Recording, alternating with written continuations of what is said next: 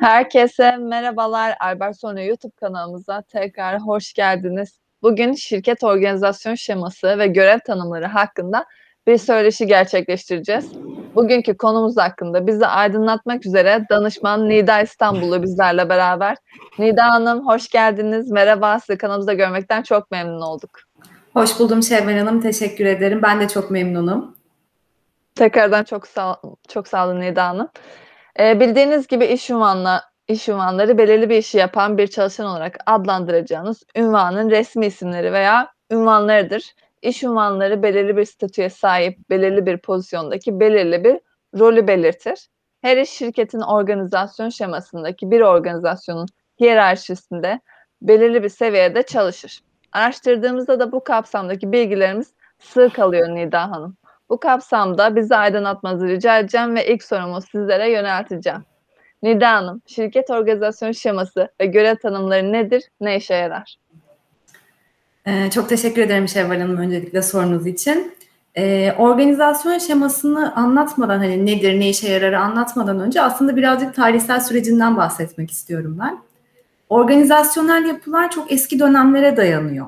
Ama e, bizim organizasyon şeması olarak adlandıracağımız o çizim 1800'lü yılların ortalarında e, Eriye Demiryolu Şirketi Genel Müdürü tarafından ilk kez yapılıyor. Bu da neden yapılıyor aslında? Kritik bilgilerin etkin bir şekilde aktarımı ve işlerin doğru şekilde delege etmek için oluşturuluyor. O günden bugüne de aslında e, şirketler için olmazsa olmaz bir unsur parçası haline geliyor. Yine organizasyon şemalarında kim kimdir, nasıl e, işler nasıl akar, işleyiş nasıl olmalı konularında bize aslında kolaylaştırıcı bir e, rol sahibi oluyor organizasyon şemaları. Burada nasıl çalışırız sorusunun cevabını netleştiriyoruz biz.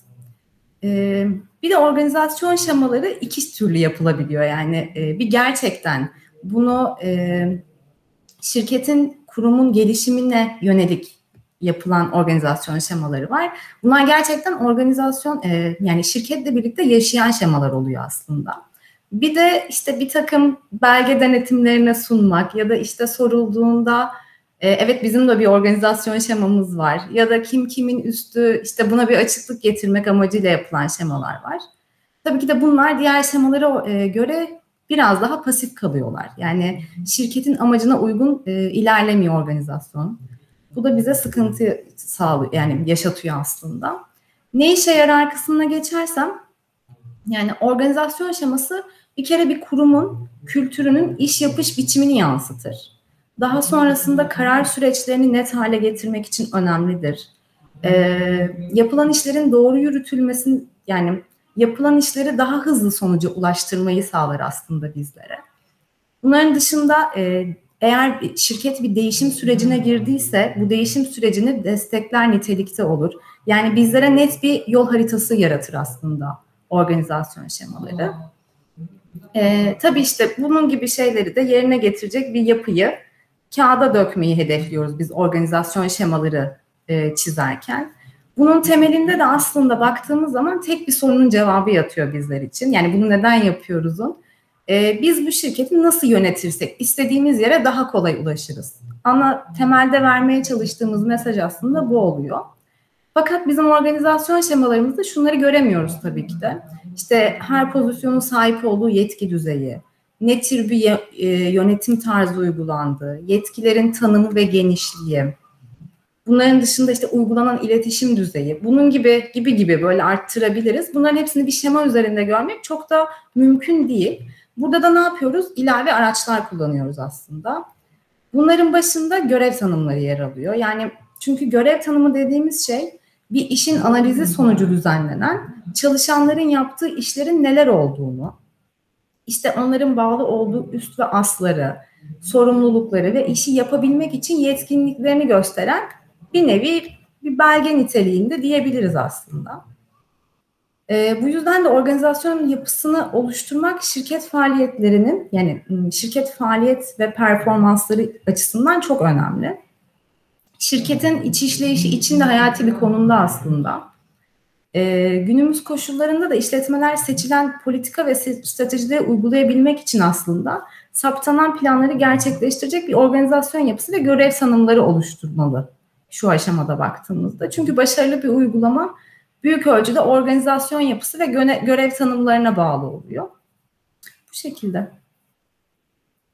Çok teşekkür ederim Nida Hanım. Gayet güzel açıkladınız. Bizi de aydınlatmış oldunuz. Bir de organizasyon şeması.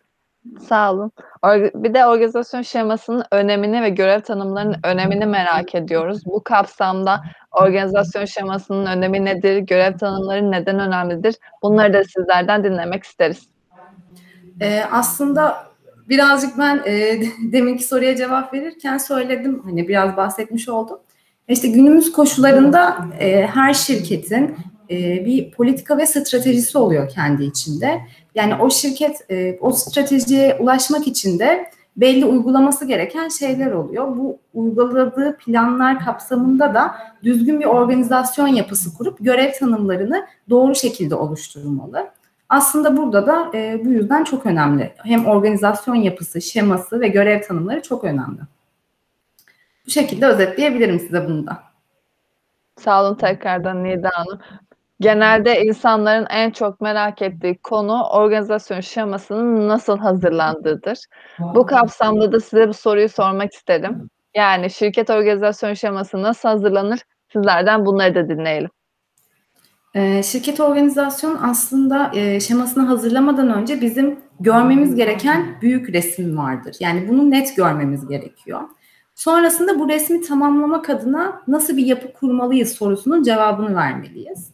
Ee, yine organizasyon şemasını hazırlarken tabii ki de ilk başta yönetim seviyesinden başlamamız doğru bir uygulama oluyor. Burada roller, yetkinlikler ve sorumlulukları belirledikten sonra e, daha sonrasında işlerin işte kurum genelinde nasıl dağılacağını belirlemeliyiz aslında.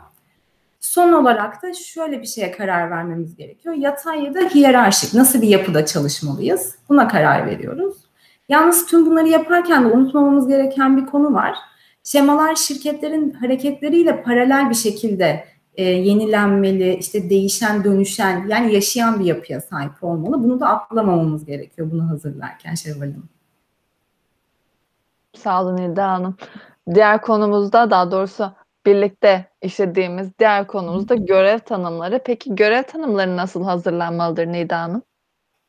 Ee, şimdi görev tanımlarını nasıl hazırlamak aslında şöyle görev tanımını e, en iyi yapan hazırlar. Tabii bu yeni bir e, pozisyon değilse şirket içinde. Bu yüzden görevi yapan kişinin günlük, haftalık ve aylık yaptığı işlere yani bir yazdırılmalıdır aslında. Sonrasında çalışanın yazdığı bu görev tanımını üst yöneticisine ve tabii ki de insan kaynakları birimi tarafından kontrol edilip onaylanması gerekiyor. Yani e, tabii hani bunu yapan kişi yapmalı dedik ama bu noktada kişiye göre değil, işe göre tanım hazırlanması gerektiği de unutulmamalıdır. Çünkü hani kurumlardaki kişiler geçici olabilir. Asıl olan e, pozisyonun kendisidir. Burada da bunu unutmamak gerekiyor. Yine kurumun hedefleri e, ve süreçleriyle uyumlu olmalıdır tabii ki de görev tanımı. E, görev ve sorumluluklar mantıklı bir düzenleme ile maddeler halinde sıralanmalıdır görev tanımları yazılırken, oluşturulurken. Yine bağlı olduğu üst yöneticiler, varsa asları, görevin adı ve yerine vekalet edecek pozisyonlar da yazılmalıdır, belirtilmelidir bunlar. Görevin getirdiği bilgi ve yetkinlikleri de belirtmemiz gerekiyor bizim görev tanımlarını oluştururken. Ee, yine son olarak şey de unutmamak gerekiyor. Yani bir görev tanımı oluştu evet ama arada bir gözden geçirilmesi bu şirket yapısının içinde ve gerekli olduğunda güncelleme yapmak. Bu da çok önemli bir şey. Bunu da unutmamak gerekiyor Şevval Hanım. Nida Hanım sanırım görev tanımlarının kim hazırladığını, e, kim tarafından hazırlandığını ben kaçırdım. Tekrardan bize anlatabilir misiniz? Görev tanımlarını kim hazırlar?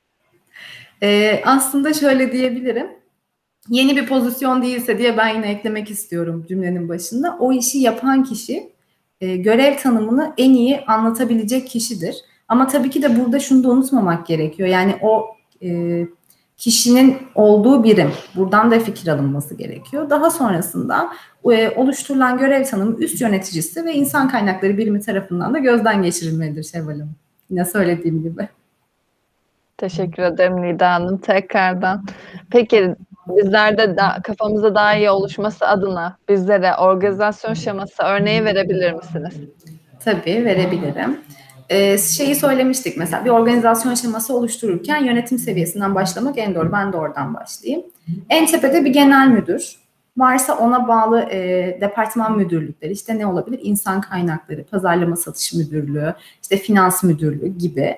Daha sonra, eee, onların alt birimlerine kırıp, işte bu bahsettiğimiz yatay ve hiyerarşik düzen dediğimiz aslında, eee, onlar belirtilmeli. Daha sonrasında da daha sonrasında alt birimlere doğru bir organizasyon yapısı aslında bahsetmek mümkün. Bu şekilde. Teşekkür ederim Nida Hanım tekrardan. Eee, organizasyon şemasını anladık, gözümüzde oluştu. Peki bize bir de görev tanımları örnekleri verebilir misiniz? Görev tanımına bir örnek vermemiz gerekirse, mesela bir işe alım uzmanının görev tanımından örnek verebiliriz. Burada ne olması gerekiyor öncelikle? Bir pozisyonun kimlik bilgileri olması gerekiyor. Yani bir işe alım uzmanıysa bu nedir mesela? Kurumsal unvanı uzman, işte operasyonel unvanı işe alım uzmanı, bağlı olduğu kurumsal makam yine işe alım müdürlüğü, işte, eee, bunun yeri genel müdürlük, işte asları kimdir? İşe alım uzman yardımcısı gibi. Bu bir kısmı. 2'ncisi kurumsal rolü belirtilmelidir pozisyonun. Yani bu bizim aslında bahsettiğimiz o işin açıklaması gibi düşünebiliriz. Son olarak da sorumluluk alanları belirtilmelidir. İşte sorumluluk alanı o pozisyonun sorumluluk alanından bahsetmek gerekir o noktada. Mesela biz Albert Sorino olarak işte görevler, yetkinlikler olarak ayırdığımız kısımda, eee, yetkinlikleri de kendi içinde ayırıyoruz. Nasıl ayırıyoruz bunları? 1 temel yetkinlikler, 2 fonksiyonel yetkinlikler, 3 yönetsel yetkinlikler diye. Bu kapsamda bakıldığında da işte hem pozisyonu daha iyi anlamak hem de pozisyona gelecek adayın ya da içinde bulunduğu adayın neler yapması gerektiğini, nasıl yetkinliklere ve sorumluluklara sahip olması gerektiğine dair daha açıklayıcı bilgiler vermiş oluyoruz. İşte yetkinlikler örnekte ne olabilir mesela? İşte 4 yıllık lisans mezunu, işte 3 yıl bu pozisyonda bir deneyim, yabancı dil gibi gibi arttırılabilir. Şevval Hanım, bu şekilde. Sağ olun Nida Hanım. Böylece de söyleşimizin son sorusuna gelmiş bulunmaktayız. Dilerseniz bu sorumu da size yönelteyim ve sö söyleşimizi bitirmiş olalım. Nida Hanım, şirket organizasyon şeması ve görev tanımları kapsamında Albert Sorino olarak müşterilerinize ne gibi faydalar sunmaktasınız? Teşekkür ederiz Şevval Hanım öncelikle tekrar soru için. Eee, aslında önceki sorularda da belirttiğimiz gibi günümüz koşullarında işletmeler, eee, seçilen politika ve stratejilere uyabilmek için saptanan planları gerçekleştiriyorlar kendi organizasyon yapıları içinde. Çünkü başarılı bir uygulama büyük ölçüde organizasyon yapısı ve görev tanımlarına bağlı. Yani siz doğru bir organizasyonel yapı kurmazsanız alt kısımda bu şirket hedeflerine yönelik sizi, eee, sonuca hızlı bir şekilde ulaştıramaz ya da hiç ulaştıramaz belki de. Ve organizasyon şemaları kurumsal bir yapı yaratmanın bir gereği aslında. İşte daha kurumsal olma çalışmalarının da ilk adımlarından biri oluyor. Biz ne yapıyoruz? Eee, öncelikle bu tüm süreçlerde detaylandırdığımız adımları yapıyoruz biz de tabii ki. Hani hem organizasyonel yapıyı kurarken hem görev tanımlarını ama bundan önce öncelikle girdiğimiz firmada bir mevcut durum analizi ediyoruz. Yani firmada eksiklikler neler, neleri geliştirebiliriz? Bu, bu noktaları tespit ediyoruz. Sonrasında da gerekli yapıyı stratejilere uygun olarak içeride kurguluyoruz aslında. Bu şekilde.